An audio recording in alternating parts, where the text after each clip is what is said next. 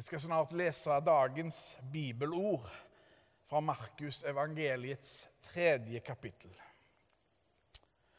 Men når Jesus begynner sin livsgjerning, så flytter han til Kapernaum, en by, en fiskerby ved Genesaretsjøen, også kalt Galileasjøen, også kalt Tiberiassjøen. Og Vi leser fra Markus evangeliets tredje kapittel.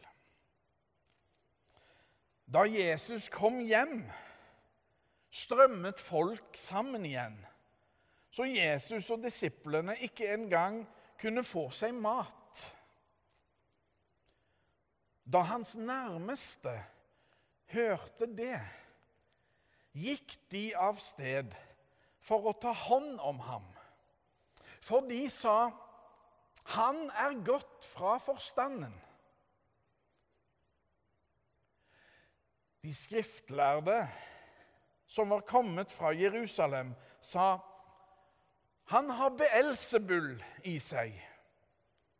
Det er ved hjelp av herskeren over de onde åndene at han driver de onde åndene ut. Da kalte han dem til seg og talte til dem i lignelser. Hvordan kan Satan drive ut Satan? Om et rike kommer i strid med seg selv, kan det riket ikke bli stående. Og om et hus kommer i strid med seg selv, kan det huset ikke bli stående. Denne lille teksten forteller om at Jesus bor i Kapernaum. Det er det som er hjemme for han. Og så opplever han press fra alle kanter. Til og med fra sin egen nærmeste familie. Han er gått fra forstanden. Et raskt søk på Google Maps viser at det i dag er ca. én times bilkjøring fra Nasaret til Kapernaum. Takket være et eh, Google-søk så fant jeg ut at det var i underkant av fem 50 km, altså fem mil, fra den byen til den andre. Og På Jesu tid så må det ha vært ca. ti timers gange omtrent. Én dagsreise, altså. Og så opplever Jesus press, også fra sine egne.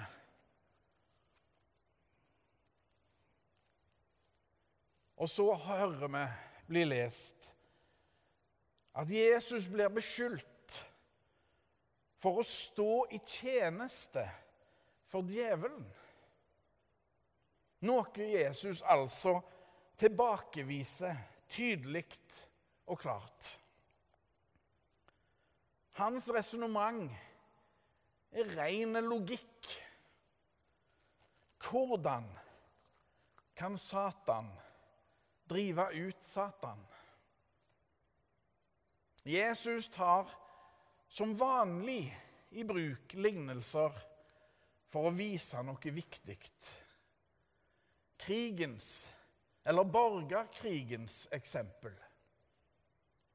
Et hus som er i strid med seg sjøl, kan ikke bli stående.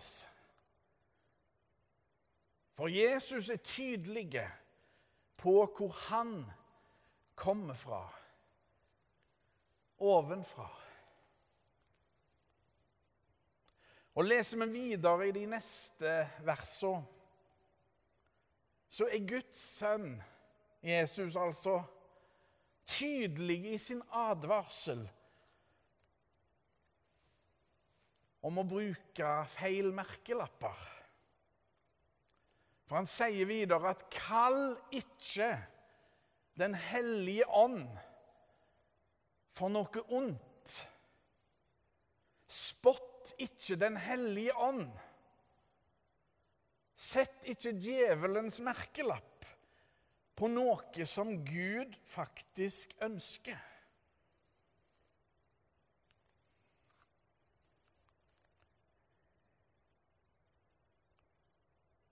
Om et rike kommer i strid med seg selv, kan det riket ikke bli stående. Og om et hus kommer i strid med seg selv, kan det huset ikke bli stående. Ren logikk, altså. Og så skal vi passe oss vel for å sette merkelapper på ting som er fremmed for oss. Forhasta merkelapper, slik som de skriftlærde gjorde. Jesus er Guds sønn, den sterke. Amen.